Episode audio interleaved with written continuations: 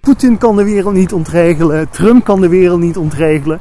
Een minuscuul virusje kan de hele wereld op zijn kop zetten. Ja, dan zijn we toch heel ver van de natuur afgedwaald. Dit is de mensenrots. Over instincten en oerdriften, over rationeel handelen en beschaving. Ik ben Bas Westerweel en in deze podcastserie ga ik in gesprek met gedragsbioloog Patrick van Veen, die bij alles wat hij ziet, hoort en ruikt zich afvraagt: wat zijn we toch aan het doen hier op onze mensenrots?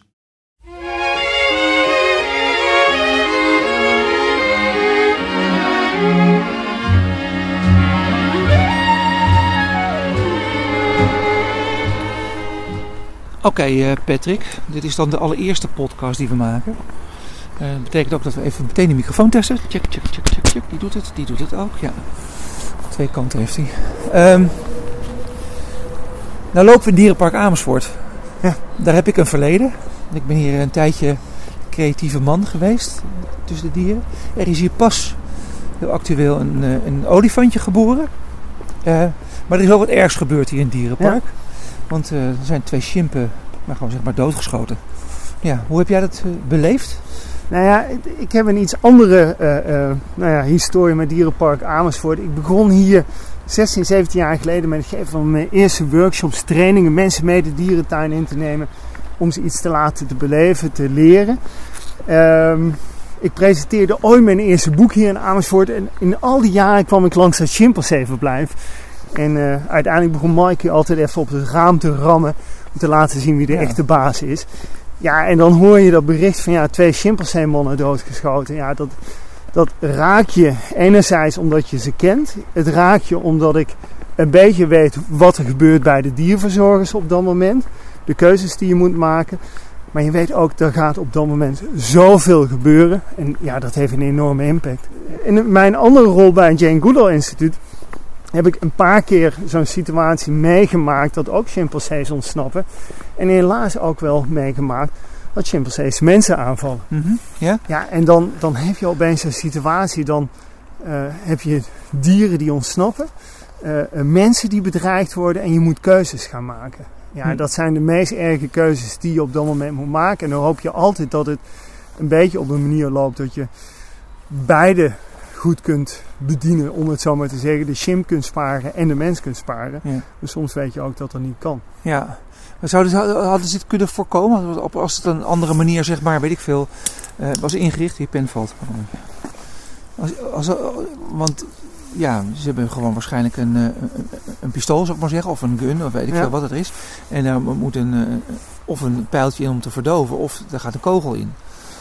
Nou weet je, het is zo lastig op dat moment te oordelen. Want je moet je voorstellen, je hebt een chimpansee-kerel die drie, vier keer zo sterk is als een mens.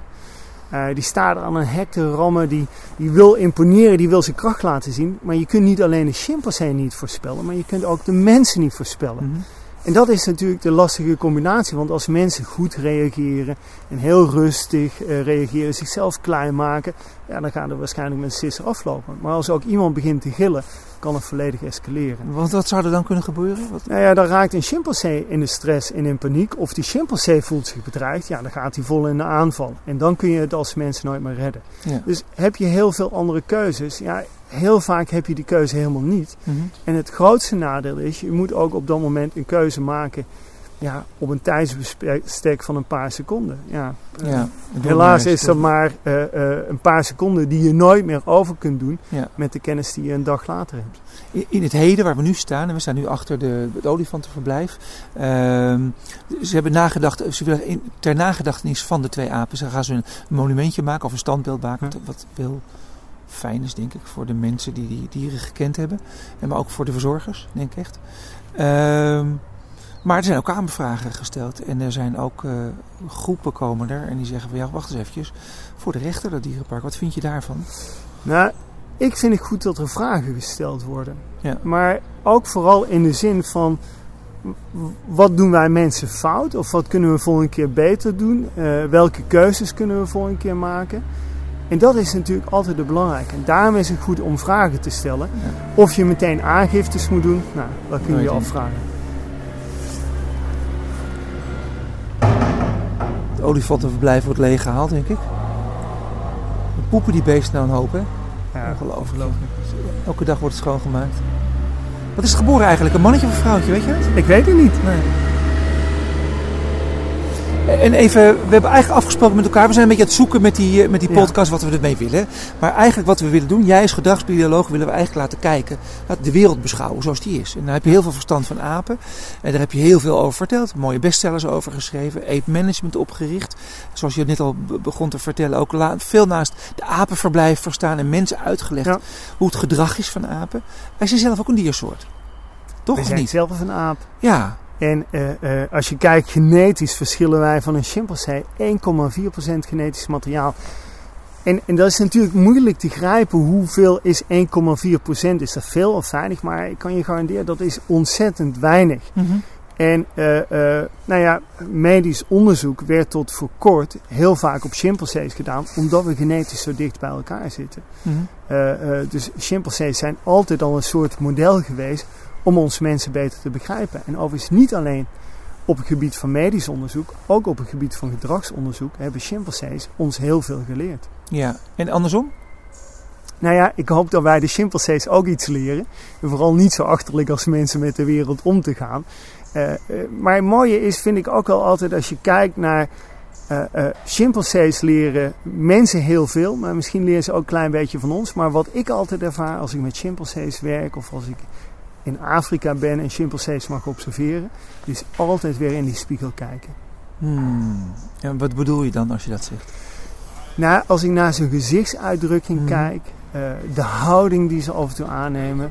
Eh, ik heb wel eens in Afrika meegemaakt. Ja, dat kun je hier niet voorstellen. Hè, dat een chimpansee-man eh, eh, van 50, 60 kilogram hè, gewoon langs je komt lopen. En dan even imponeert, de haar recht overeind zit en gewoon je volledig negeert. En toen ik dat meemaakte, wist ik pas wat negeren betekende. Ik was er blij mee dat hij mij negeerde. Maar je kunt soms langs iemand lopen en dan, dan, dan negeer je iemand. Maar die ander die voelt ook dat hij genegeerd wordt. Ja, als een chimpansee dat doet, dat is bizar om mee te maken als dat in het wild gebeurt. Dan voel je die kracht, maar aan de andere kant voel je ook, je bent niks. Je bent gewoon een boom, je bent gewoon een plant, je stelt helemaal niks voor. En toch kijk je op dat moment in de spiegel, want je merkt die emotie die jij kunt hebben, eh, dat gevoel dat jij kunt hebben, dat heeft die chimpansee op dat moment ook. Daarom speelt hij dat spelletje met je. Hmm. En als je naast elkaar zit in zo'n familielijn, wat zijn we dan van elkaar? Nou ja, we zijn eigenlijk neven van elkaar. Uh, we hebben ergens dezelfde voorouders. Uh, wij stammen niet af van de chimpansee. Uh, de huidige gorilla of de bonobo, die stammen ook allemaal niet af van elkaar. Maar ergens hebben gemeenschappelijk voorouder. En uh, ja, er zullen behoorlijk wat honderdduizenden, niet, zo niet miljoenen jaren tussen zitten. Mhm. Maar ooit is zo'n aftakking gekomen en aan de ene kant ontstonden de mensachtigen en aan de andere kant ontstonden de chimpansee en de bonobo. Ja, nou dan vinden va- vaak mensen dat zij, het, eh, dat, of dat wij dan, hè, het slimme eh, broertje of zusje of neefje in dit geval zijn geworden van de chimpansee. Is dat ook zo, vind jij? Nou, weet Of je, vinden het- wij het- ons gewoon zelf slim? Wij vinden onszelf slim. Hm. Maar de vraag is, zijn we wel slimmer als een individuele chimpansee? Uh, wat wij wel hebben, uh, is dat wij een aantal vaardigheden hebben ontwikkeld. Mhm. Een aantal mogelijkheden hebben ontwikkeld. Die ons verder hebben gebracht dan een chimpansee. Heel simpel, een chimpansee zet geen mens op de maan. Een chimpansee bouwt geen complexe constructies zoals wij dat doen. Maar een chimpansee vernietigt ook niet de wereld zoals de mens daarmee bezig is. En wij hebben iets ontwikkeld dat, dat eigenlijk maar heel weinig diersoorten hebben. En, en zelfs geen enkel diersoort hebben zo complex als wij mensen. En dat is taal. Taligheid. Dat wij hier kunnen staan ja, met elkaar ja. en kunnen praten over wat is er afgelopen week gebeurd. Wat gebeurt er in de maatschappij. Ja, dat zal een chimpansee nooit kunnen doen. Nee. Maar wat we daarmee ook kunnen met die taligheid is dat we kennis van generaties voor ons nog steeds met ons meedragen om dingen te creëren, eh, gewoon gebaseerd op kennis van generaties voor ons. We Mhm. bouwen een auto omdat ooit iemand daarmee is begonnen, maar door middel van taal die kennis en die vaardigheden heeft kunnen overdragen. Is er wel actualiteit bij chimpen? Staat dat? Ja, elke dag. Er, er is actualiteit en chimpansees hebben ook een verleden. Alleen alles speelt zich af binnen een moment van een generatie. Hun gemeenschappelijk verleden is het verleden dat ze hebben in het hier en nu met deze generatie. Wat wij samen beleven, dat is onze gemeenschappelijke geschiedenis. Maar wij hebben geen vooroudergeschiedenis. Nou, misschien een klein beetje in gedrag en in handelingen, eh, eh, maar niet zoals wij mensen dat hebben. En dat betekent dus ook de actualiteit. Wij hebben nu een actualiteit, of we hebben een actualiteit die afgelopen week speelde. Dat hebben chimpansees ook. Dat geheugen hebben ze ook. Ze laten ook zien in hun gedrag dat ze snappen wat er gisteren is gebeurd. En dat ze daarmee misschien handelen morgen. Maar de tijdspanne dat wij dat kunnen doen, die is vele malen Oké. groter. Want bijvoorbeeld actueel is dan dus dat er twee mannen er niet meer zijn. Ja. Eh, dat voelen ze wel, dat voelen ze. Dat, daar zijn ze mee bezig. Dat is, Dat, dat is, eh, eh, ze hebben familiegroepen, clans. Vaak zijn de mannen verwant van elkaar, dat was hier ook. Hm. En, en, en ja, als er dan twee individuen wegvallen, dan heb je een paar dingen die gebeuren. Je mist iemand, hè, je kunt iemand gaan zoeken, je, je weet niet waar die naartoe is. Hè. Ze hebben ook niet wat wij dan kunnen uitleggen aan iemand. Ja, er is iemand vermoord, of er is iemand doodgeschoten, of er is iemand een natuurlijke dood gestorven. En die gaan naar de hemel, of welke verhalen we er ook van maken. En dat soort uitleg kunnen ze elkaar niet Mhm. geven. Ehm, maar het gemis van het individu is e- één element. Maar het tweede element, wat ook een rol speelt, is natuurlijk ook nog eens een gemis in de structuur, in de hiërarchie. Want opeens ben je alfman kwijt. Dus opeens is degene die elke ochtend een belangrijke rol speelt in wat ga ik vandaag doen, degene die de conflicten in de groep oplost, eh, Ja. ja. die is er ook Ja. niet meer. En wat krijg je dan? Nieuwe machtsstrijd in de groep. Mhm. Dus het is enerzijds het emotionele verlies, zou je Ja. kunnen zeggen. Ja. Ehm, maar anderzijds is het ook nog eens het letterlijke praktische verlies. Ja, en nu even naar onze, de menselijke actualiteit. We zitten in coronatijd leven, COVID-19, pandemie, hoe je het ook allemaal wilt noemen. Eh, we jagen op een, eh, eh, vac- eh, echt een vaccin. We- Ja. Het is bijna zover. Eh, alle baasjes op de apenrots buitelen over, zich heen, over elkaar heen om te zeggen... Ja, eerst die groep of dan die andere groep. En nu wordt er gedacht om eerst die oudere groep maar eens te gaan eh, vaccineren, toch? Dat is nu aan de hand. Wat vind je? Ja, Is totaal idioot. En hoezo? Nou ja, ik, ik heb daarover toen ik dat hoorde, dan denk ik meteen na van hoe kijk ik nu vanuit mijn vakgebied, vanuit biologie, vanuit gedrag, kijk daarnaar. Mhm. En, en eigenlijk als je in de natuur kijkt, dan is het altijd zo. Er is gevaar. Nou, wie op, offeren we op? Of wie offert zichzelf op?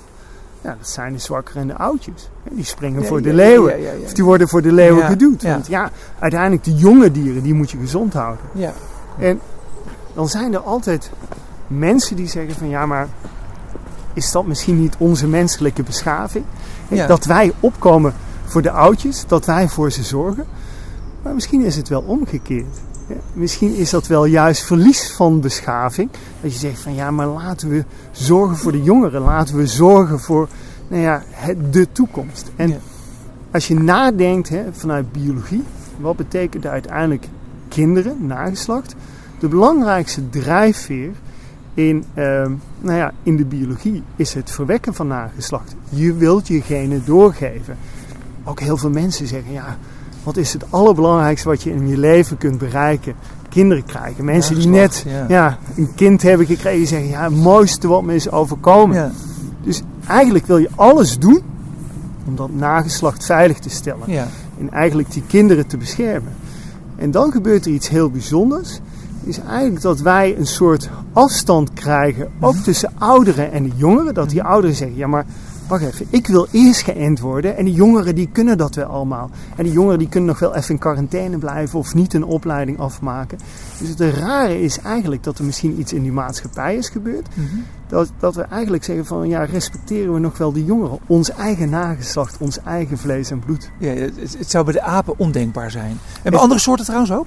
Andere Ja, diersoorten? eigenlijk kun je dat bij alle diersoorten Ja. zeggen. Want de bescherming van je nageslacht, de bescherming van je kinderen, is natuurlijk iets Ja. heel erg uitzonderlijks.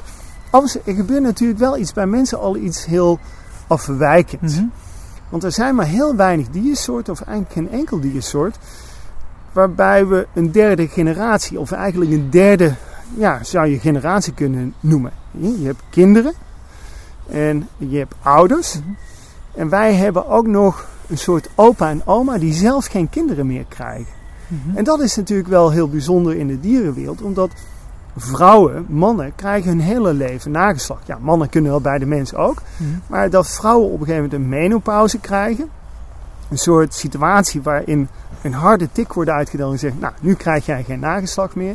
Dat is heel uitzonderlijk. En vroeger werd heel vaak gezegd, ja, bij die vrouwen zijn de eieren op. Hè. Die, uh, die kunnen helemaal geen nageslacht meer verwekken, want dat, uh, dat, uh, ja, de eitjes die zijn maar beperkt verradigd. Nou, dat blijkt niet helemaal waar te zijn. En okay. nu wordt er vaak gesproken dat misschien wel evolutionair een mechanisme is wat ze noemen allomothering. En wat betekent allomothering? Dat is dat meerdere generaties vrouwen zorgen voor nageslacht. Dus dat letterlijk ook wel evolutionair het handiger was dat vrouwen mhm. vanaf een bepaalde leeftijd niet meer een eigen nageslacht gingen opvoeden, maar mee gingen helpen om het nageslacht van hun dochters mee groot te brengen. Ja. Of van hun zonen. En, en ja, dat mechanisme, dat zorgt dus ook aan de andere kant in de huidige maatschappij door een soort verwijdering tussen jongeren en ouderen. Ja, wauw. Jeetje. Dus, ja, daar kun je dus, dat zijn van die stukjes waar je echt veel kunt leren. Door te observeren, wat jij zo mooi zegt, door nieuwsgierig te zijn. En misschien zijn er toch soorten, andere diersoorten dan wij zijn, waar we veel aan hebben, waar veel wijsheid in, in zit voor ons. Nou ja, Zou het ooit kunnen veranderen dan nog? Dus kunnen we, we zijn toch zo eigenwijs, ik weet toch niet wat mensen kunnen. Nou ja, ik, ik, ik, hoop, ik, ik denk ook dat soms wel eens goed is dat wij naar ethisch, want dit zijn ethische vraagstukken. En, en wij kijken vanuit onze westerse wereld heel vaak naar een ethisch vraagstuk in één richting. Ja. Maar wat je vooral hoopt is dat we naar dit soort ethische vraagstukken ook uit meerdere richtingen gaan kijken. Kijk, ik snap best dat ze uiteindelijk dit soort keuzes maken uit bijvoorbeeld een economisch perspectief. Dat ze zeggen, ja, maar die oudjes kosten veel te veel als die op de IC komen. Hè. We moeten ook een beetje letten dat die IC's niet overbevolkt raken. Mhm. hè, dus daarom doen we dat. Mhm. Uh, maar je kunt ook hele andere discussies hebben. Hè. Moeten we de oudjes beschermen of moeten we juist een nageslacht Vind je dat die discussie goed uh, uh, gevoerd wordt? Of helemaal nee. nee. niet. Want ik af en toe hoor je dat geluid wel. Hè? Ja. Maar het is, het, het is, het inderdaad hetzelfde. Maar moeten we dat dan anders inrichten? En kunnen we dat überhaupt als mensen? Of zijn we te ver doorgeslagen in, zeg maar dat denken over een soort superioriteit op deze wereld. Hè? Dat wij bepalen, wij bepalen de richting. Economie is daarin natuurlijk nogal belangrijk. Nou, ik denk dat, dat we misschien juist ook wel door zo'n coronacrisis weer meer gaan openstaan voor verschillende ethische perspectieven in dit soort discussies. Dat zou jij hopen? Ik zou het hopen. En dat betekent dus ook dat je af en toe een afstand neemt. En zegt van ja, maar hè, als je nu leest wat is de motivatie van de overheid. Ja, we moeten zwakkeren het eerst. En, maar waar niet naar wordt gekeken, wat zijn sociale structuren? Hè? Hoe, is, hoe is een sociale structuur opgebouwd? Mm. Overigens, ik hoor ook wel uit de groep van senioren, risicogroepen. Uh, en dan bedoel ik niet risicogroepen, iemand met diabetes of een andere mm. ziekte waardoor die beschermd moet gaan worden. Maar ik hoor vooral ook uit seniorengroepen dat ze zeggen, nou weet je, ik kan er nog wel een beetje inplannen wanneer ik boodschappen ga doen. ik kan nog even terugtrekken. Maar laat die jongeren nu even hun studie afmaken en naar de universiteit of naar school hm. kunnen gaan. Dat is veel belangrijker. En een jonge leven opzoeken. Maar je ziet dat dat soort discussies, vooral op een groter niveau in de maatschappij, op, en dan heb ik het vaak zijn er toch discussies die ook op heel erg politiek niveau worden gevoerd. En dan zie je heel vaak dat het daar eigenlijk helemaal niet werkt. Terwijl het daar juist ook zo zou moeten werken. Mooi, hoe mooi geluid is dat. Ja, prachtig om over te praten. Even over terug naar vaccineren. Uh, hoe werkt het eigenlijk in een dierenrijk? Ik neem aan dat het dierenrijk, ik bedoel, als daar een ziekte uitbreekt, hoe, gaat, hoe gaat het dan? Ja, heel plat. Survival of the fittest, zei Darwin. Hè? Degene die zich het beste weet aan te passen gaat overleven. En, en ja, eigenlijk is het zo, als een ziekte uitbreekt, dan zijn er individuen die zo'n ziekte overleven mhm. en dan immuun zijn geworden. Ja. Een soort natuurlijke vaccinatie. En wat je dan ook ziet gebeuren, daar werd hier in Nederland ook over gesproken, hè, groepsimmuniteit. Dat betekent als voldoende individuen maar die ziekte hebben gehad, mhm. ja, dan sterft uiteindelijk dat virus ook al een klein beetje uit. En dat betekent in de natuur, ja, als zo'n infectieziekte komt, ja, dan gaan een aantal dieren overlijden. En misschien is het wel zo dat bij corona, na corona misschien al bij gordeldieren, uh, uh, schubdieren, waar het waarschijnlijk ooit is begonnen. Misschien daar al, al duizenden miljoenen slachtoffers heeft gemaakt. En alleen de allersterkste gordeldieren hebben overleefd. Maar ja, die werden helaas even gegeten en, en, en, kwamen bij mensen terecht. Dus de dier of de natuur die vaccineert zich eigenlijk zelf. waardoor je uiteindelijk dieren overhoudt die dit soort ziektes kunnen overleven. Ja. Het nadeel is natuurlijk dat wij een maatschappij hebben opgebouwd waarbij we heel veel mensen hebben laten overleven, wat op zich prima is, die niet meer bestand zijn, eigenlijk tegen hele simpele virussen. Ja. Een van de grote vragen is ook, waarom zien we heel weinig impact van corona in Afrika? Nou, er zijn heel veel technologische redenen voor. Uh, mensen zijn meer buiten. Er zijn heel veel theorieën. Mhm. Maar een van de theorieën zou ook wel eens goed kunnen zijn. Is dat in Afrika, als je kijkt wat is de gemiddelde leeftijdsopbouw van de bevolking, extreem jong. Ja, ja, Uh, ja, ja. ja, als daar zo'n virus waart, dat gaat waarschijnlijk door een bevolkingsgroep heen. Men kucht twee keer en men heeft zelfs niet in de gaten dat daar een coronavirus is Ja, geweest. Hè? Ik ja. weet niet of het zo is. Nee, ik, ik, hoorde ook, eh, eh, ik hoorde ook dat eh, eh, in Afrika het wel zou kunnen zijn omdat ze er zo goed op ingericht zijn. Ze hebben, al zoveel ziektes over zich heen gehad. Ze weten hoe het werkt, zou ik maar zeggen. Dat klinkt Ja. een beetje flauw. nee, nee. Dat, maar, dat- eh, ik, of gek, maar net of ze gewend zijn, zeg maar. nou, ik was eh, zelf in februari in Sierra Leone en Liberia. ja. Niet een van de meest ontwikkelde landen Mhm. in Afrika. En alles was ingericht op handen wassen, Ja, dat, ja, desinfecteren. Omdat men daar natuurlijk ebola lang Ze weten het, ze kennen het. Ze weten dat het de mensen... We, we Ja. maken er ook wel een beetje een bende van, vind je niet, die mensen? Ja, we, we, we maken er af en toe een hele grote teringzooi Ja. van. Maar ook misschien wel omdat we zo ver van die natuur af zijn gaan staan. Dat bedoel ik. Moeten we niet enigszins bescheidener ons gaan opstellen? Als mens moeten we niet meer... eh, Maar voor het weet, als ik dit soort dingen zeg, denk ik altijd... hoor je bij een geitenwolle sokken groep of... eh, weet ik veel, eh, zweverig ben je dan? Of je hoort Nou. bij de Partij voor de Dieren of eh, weet ik veel. La- Laten we het heel, meteen in een hokje. ja. Maar laten we het heel reëel maken. Eh, eh, Poetin kan de wereld niet ontregelen. Trump kan de wereld niet ontregelen. En een minuscuul virusje kan de hele wereld op zijn kop zetten. Nou ja, dan zijn we toch heel ver van de natuur afgedwaald. I say I'll care forever, and I mean forever. if I have to hold up the sky. Crazy, he calls me. Sure, I'm crazy, crazy in love. Am I?